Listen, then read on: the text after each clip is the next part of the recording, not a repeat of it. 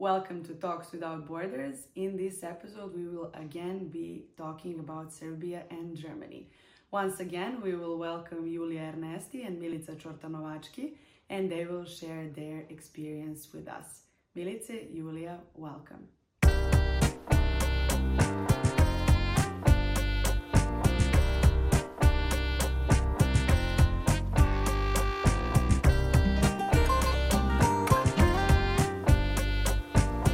Julia, welcome back to Talks Without Borders, to our sixth episode of this podcast. And I welcome you again to our small virtual studio from your homes uh, or university libraries and my home as well. How are you feeling? Great, good. Okay. Uh, in the last episode, we more focused on the spirit of people. We talked a little bit about uh, the differences between German people and Serbian people, and also we talked about your experience.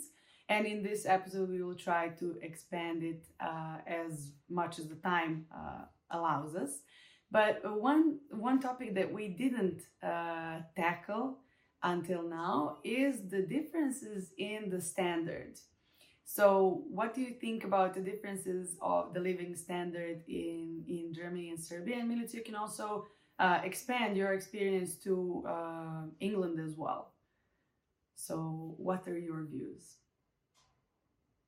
Mm, well, economically seen, I guess Germany is far more well off than Serbia is. So, uh, the living standards in terms of well maintained housing is much better in Germany, or like the the um, system of uh, public transport probably is much more well maintained in um, Germany than it is in Serbia. So in terms of functioning things and um, maintaining things, I think maintenance is a big thing because even in Serbia, like new things somehow come up, but they just, they are not very well maintained as in Germany, whereas like everything is always needs to be cleaner, needs to be better and I guess maybe that's uh, the a big difference. And I guess pay uh, is much much higher in um, Serbia. Uh, would be nice in Germany than in Serbia. So when ger- my German friends or English friends come to visit Serbia, they're like, "Wow, everything here is so cheap." And wow, we can buy so many packs of cigarettes and take them back home. But I'm like, yeah, but in for Serbian people, they earn ten times less than maybe someone in Germany. So for them, you have to see it in relation to the country's income. So I guess that's it's really I I remember being in a taxi once in Belgrade, um, and uh, Belgrade taxi drivers always great to chat to, and the taxi driver he was a he was a dentist in a hospital, but he also had to work as a taxi driver to kind of make ends meet. So that made me really sad and made me think about wow, it's it's a very heavy situation economically, and guess that's maybe why so many people keep leaving. And it would be nice for maybe politics to engage a bit more in making that a bit better because it's such a beautiful and rich country in so many other ways, and that economy is the, main issue is kind of really sad. Yeah, and what about England? If you compare those two countries um, to England, I, England, I think people think of England as very um, also well maintained, um, and it, it is in certain area, but there's a really big divide between like rich and um, poor here in England, and you can really, really see it. So England isn't as nice as it presents itself to be. Maybe they present themselves to be like Oxford and tea and everything, but that all has a really like dark, deep history, and the the social care here is not really, really nice. So England is kind of a middle ground between Germany and Serbia, I'd say. It's an interesting thing to hear. Okay, thank you, Milica. And Julia, since you've been living a couple of years in Serbia, what what is your experience?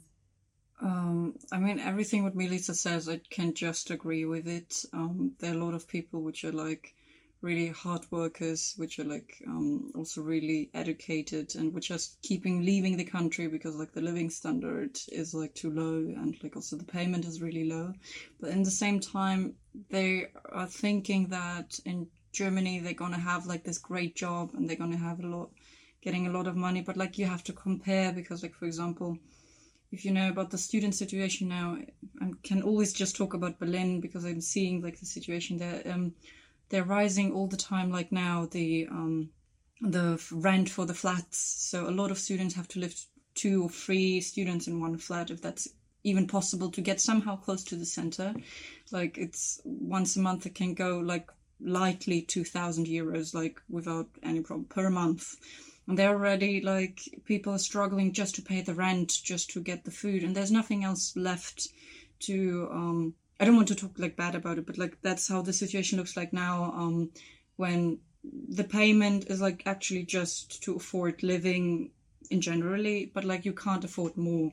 But if you're working for example there are a lot i met a lot of people which are from serbia which are working in germany and then they're bringing it back to serbia to um, what makes let's say more sense because here like the living standard is lower and like also the payment is lower so people are going abroad to work to get um, a good salary. And then from this money they're coming back. So it's this kind of coming going. And i saw a lot of young people which are like also going studying working in germany. But like somehow in certain point they're coming back um, to serbia because they have here their family members and their friends usually. Um, so I would say Milica said actually the most important things already. Okay, so in both cases, you have to choose between the standard and the overly emphatic people or empathetic who want to right, share right. with you. Uh, but also comparing the two countries, what are, uh, from your point of view, the most unique things about each country, the most beautiful and appealing things to you?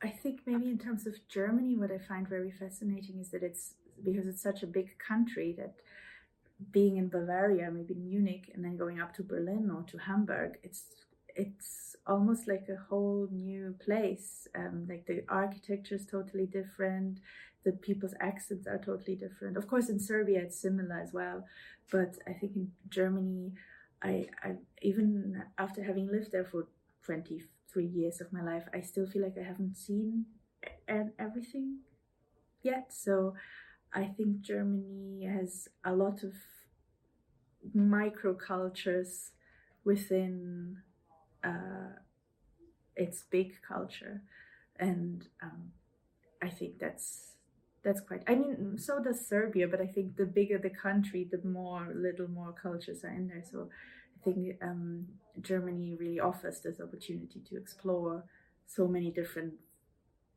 Germanies within Germany. Okay, thank you. And Julia? Um, I'm like usually Germans would say that's not the right thing to say, but like, I'm proud that I have like that I'm from Germany because um that there are not a lot of people which are still saying that because historically kind of conclusions but um, I find Germany has like a lot of it's the nature is beautiful. Like if you go from the north to the south, it's totally different. You have in Serbia that too, but Serbia is smaller, um, and it's also really beautiful. Um, then we have like all those historically moments. Like I'm not talking now about all the wars, but like the changing politically, economically, the psychology. Um, like everything what made like those different kind of parts of germany totally different kind of parts of germany why saxonians and like the west don't like each other for example which is also really interesting then the dialect we have so many different dialects which are also amazing um, which a lot of people don't know or they don't support that like this kind of differences between like those small parts um, then the other thing also again like Goethe, Mozart, Bach, like a lot of cultural things come from Germany. Um, so this kind of historically cultural part is also really rich, but like somehow it got lost. I have the feeling people don't remember that that we have this kind of um, in the roots of our country. Um, about Serbia, the main part which I like again like culturally really here it's actually that what's happening that people know how to support the culture because like i mean i'm working like um, in this art scene and like um, i love it every day. Like i'm i'm really happy every day to have this surrounded by me by creative people which like to express themselves. Yeah well we're still comparing uh, what i would like to to ask you both and i think this would be maybe from your experience, maybe a bit of a difficult question to answer, but just focus on your experience. So, in the field uh, of which uh, you are learning about and that you want to do, and that maybe you have already had practice in, do you think that there are any differences between doing it in Serbia and doing it in Germany? And maybe UK also, maybe. Well, when it comes to the arts, uh, think you can look at it in two different ways in, in terms of how maybe firstly economically um, maybe personally um, think about it. maybe you have another friend also again. The book can be like okay. Okay Julia can you start and we'll get back um okay um yes economically actually what Milica said already um you have more possibilities, let's say, from the salary, from the budget. If we're talking about movies, about theater, about salary generally.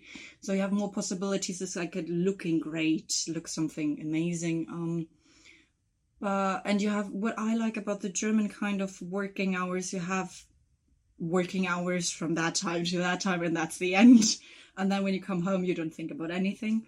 Usually let's say about the movie scene it's again a bit different but still like there are special kind of times which we have to stay with and for which you get paid. Um in serbia it's like we can do everything let's do everything. We don't need like at all a salary. So they have to find the balance um between how far you want to go with the creativity. Like here you have like you can do from small things a lot and you're going to find people who want to work a lot which want to um, um yes uh, so do doing a lot um and like that was this is like the main balance but i think like if you were at university i'm getting here much more information. I, I, think so like personal information like i'm also working on myself as a person. Who i am i? Like answer to, to that question like every day. Um, so i'm developing also on my character on my communication with people on my work with people as a team leader let's say as a movie director as i can like call myself so.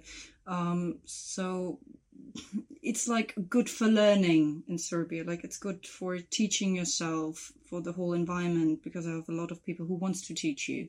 If we talk about the work and generally, then you have to balance between do you want a good salary like this kind of walk hours, or you want actually to work with the people and like get a bit less of that. So um, I can't even answer to that question. It's like always like to your personal balance um, how you want to work. Yeah, that's why I said it's, it's a pretty complex question and it had so many factors that there is no definite answer to it. So, Milica, what is your experience? Can you share your thoughts? So, I would say, in terms of arts, like they're underfunded everywhere, but uh, especially in, in, in Serbia. I mean, I haven't I haven't yet worked on a project in Serbia, but uh, knowing from friends who are artists there, I think you really feel that they there's this sense of wanting to do something even if there's nothing. And then i think what i think i really admire and um, want to learn from or uh, inspire to also do from like serbian artists friends is the is the sense of resilience. And as julia mentioned this uh, creating something out of because there's so little but then there's you can do so much out of so little. And um, you you're not you don't you're not uh, maybe as safe as in Germany where there's a lot of maybe budget from the state because I think the Serbian state doesn't really give much budget budget to the arts anyways. So um, you have yourself and your good people around you and that's that's that that's so rich in itself and I think that's um, what really inspires me about like the Serbian art scene. I want just to give also like um and like an idea like um I have a few colleagues at my university which are like now they're 20 there's one guy who's 26 and he is like now direct, like also with me as a director, but like he's in the same time he has his own band. He's a musician. He had like a lot of few a few chart songs in the Serbian um, radio station. He's again 26. I just want to say, um, and he wrote three books already. He's writing scripts and songs. So there are a lot of those people, and like, and I met also actresses which are in the same time dancers, then like people who are drawing and in the same time singers. I don't know. So there's a lot of combined, and you have a lot of possibility for creativity. So nobody is like stopping you, and it gets also a lot of attention, especially like also young people. There are a lot of this kind of small bands, which I'm seeing the people there like 20, 21, they started like as in England, I would say, like if you remember the Beatles, like in the garage, in the background, in the backyard, like they start playing and then they go out like into a restaurant, in a coffee shop, in the bar, and then they're playing. The people like them and then they get hyped and everybody starts knowing them. So um, once you get into the scene, um, it's yeah, they're pushing each other just out, and everybody knows everybody. Like it's just just naturally going that way. It's maybe because the scene is very art scene is very small, so they need to, yeah, I be guess with so. each Yes. other, or else, yeah, everything is lost. But you mentioned actually in the previous episode, uh, both of you kind of mentioned this that uh, the, the comparison between Berlin and and Serbia and Belgrade, and you mentioned that Berlin is more global. And what is your perspective if Belgrade has a global appeal or or any trait that would be uh, you could explain as global or no? Um, I, I would like start maybe that question in this case, um, because I'm helping out like sometimes in a hostel and like there are a lot of young people from all around the world coming. Um, and I heard a lot of many times that people were saying, I love Belgrade, I never expected it. Um, it's great. It's so actually also cultural again, like really um, rich. And the people are nice so and nobody's really expecting that. So belgrade is getting there to start also like this kind of globally getting attracted to people which berlin is now actually and people all around the world coming to berlin because like it's so hyped um but like because of that because there are a lot of people coming and like a lot of like start based on the tourism also the cultural change and like those like i mean if we see the east west side gallery in berlin which is like one of the memorials from the wall and they build it around it like mercedes benz arenas amazon like huge buildings so you actually can't see anymore the wall.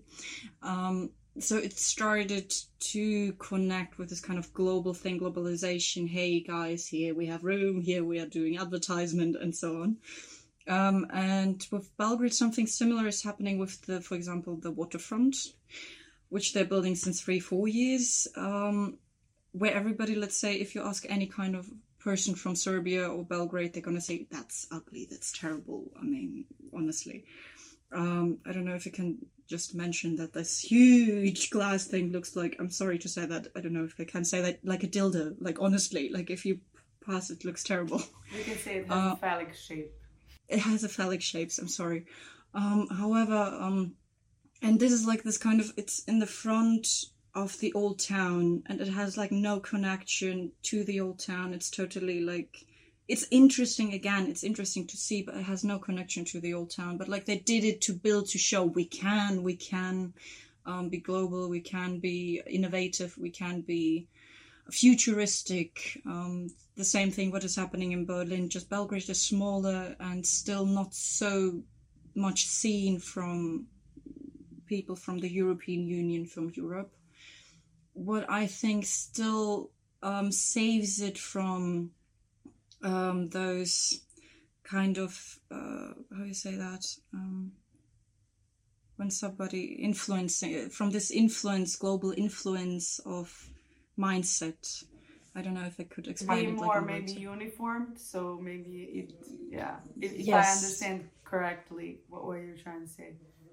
yeah i'm sorry that i'm like i got a bit like lost in this case but like um just try to p- put the sentence again together. So um belgrade is still because it's not in a part of the european union and still not so much in the focus of young people and the po- possibilities here um, it's still not getting so much influenced by the globalization hype, by this kind of mindset of, okay, we're multicultural, we're gonna like be happy with everybody, everybody can woo whoever they want. There's still like Ser- the Serbian culture is still like having this kind of Serbian Slavic kind of culture, and they're holding to it because the family's holding together. So yeah, that's my conclusion. That's it. Thank you. Milica?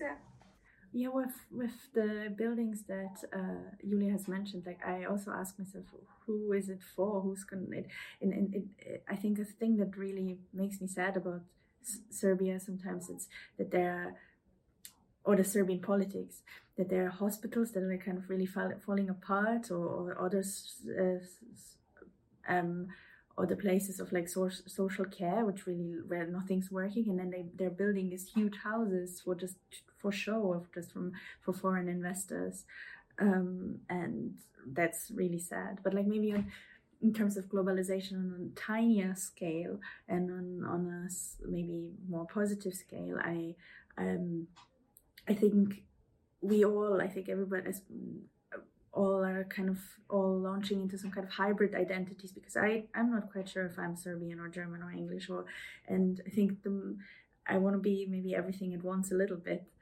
And uh, how can I make the best out of that? And in terms of maybe Belgrade and globalization I I have some friends who lived in Berlin and now live in Belgrade, and they're organizing these, especially queer events, where they invite people from from from Berlin or from Sweden to come and play in Belgrade and share different experiences, and always try to connect them with certain Serbian customs as well, and make those people go back to their countries and invite Serbian artists over. So I think there is a certain cross cultural exchange, which isn't really like capitalist and exploitative as those big uh, Belgrade waterfront buildings.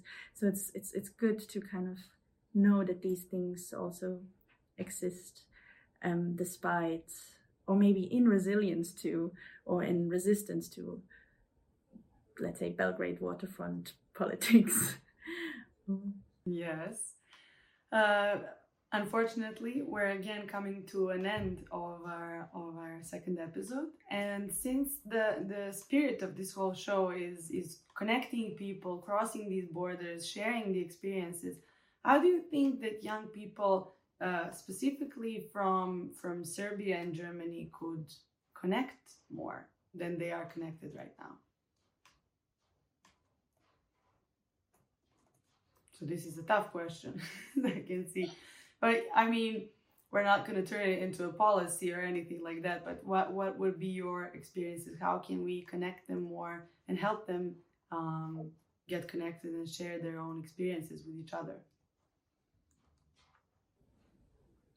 hopefully somehow maybe with these kind of programs that we're doing right now or um, with getting like culture and arts and music involved and maybe change especially this german image of serbia of i think it is kind of changing but it's still i remember in school when so i wanted to invite some friends over and their parents would be like uh, oh but there's a war going on which was 20 years ago. So i think there's still this kind of image that serbia is this really like um, dangerous country. And i think especially through through us like young people maybe some especially with the internet kind of opening up and showing that it's not like this um, i think that's that's a bit a broad answer but um, maybe i think culture is always a good way in in the, with through different mediums Yeah, I completely agree. Completely. Julia, Um, I would say if you want to start um, with a kind of mindset change too, it would should in Germany it should start from the education because like again in the lesson we never had history of Yugoslavia, which I think would be like the first step to bring again the culture of the Balkans closer to a younger generation, which going to grow up with this let's say open mindset. Because like for now I'm seeing like this kind of one way. Okay, Serbian. Um, um, students are going to Germany because they have heard everything about the history, they have heard about the culture, they met a lot of the people. But like in from my side, like again in Germany, like we never got so much close to this culture just through the education. So again, like to if you would just in the program, in the education, or through this kind of workshops, getting like two different cultures which were like actually somehow so close with each other, especially like the north of Serbia, like Vojvodina is like it has also a lot of Donauschwaben. So um, in this case, there are a lot of similarities just to remind the German side about it, and then together we could build something bigger. I would say um, so through workshops, through the education, through exchange. So yeah these are all the, the baby steps that we can take. But uh, as an example, we took one today by talking and by definitely sharing our experience. Uh, thank you both for participating in yet another episode of Talks Without Borders. And I wish you both uh, happiness in your further professional development and also in exploring the world and other countries. So, thank you once again. Thank you very much. Hvala. Hvala puno. and I wish you a very good day. And also, uh, in the next episode of Talks Without Borders, we'll be moving to another European country and sharing our experience with them. But until then, goodbye.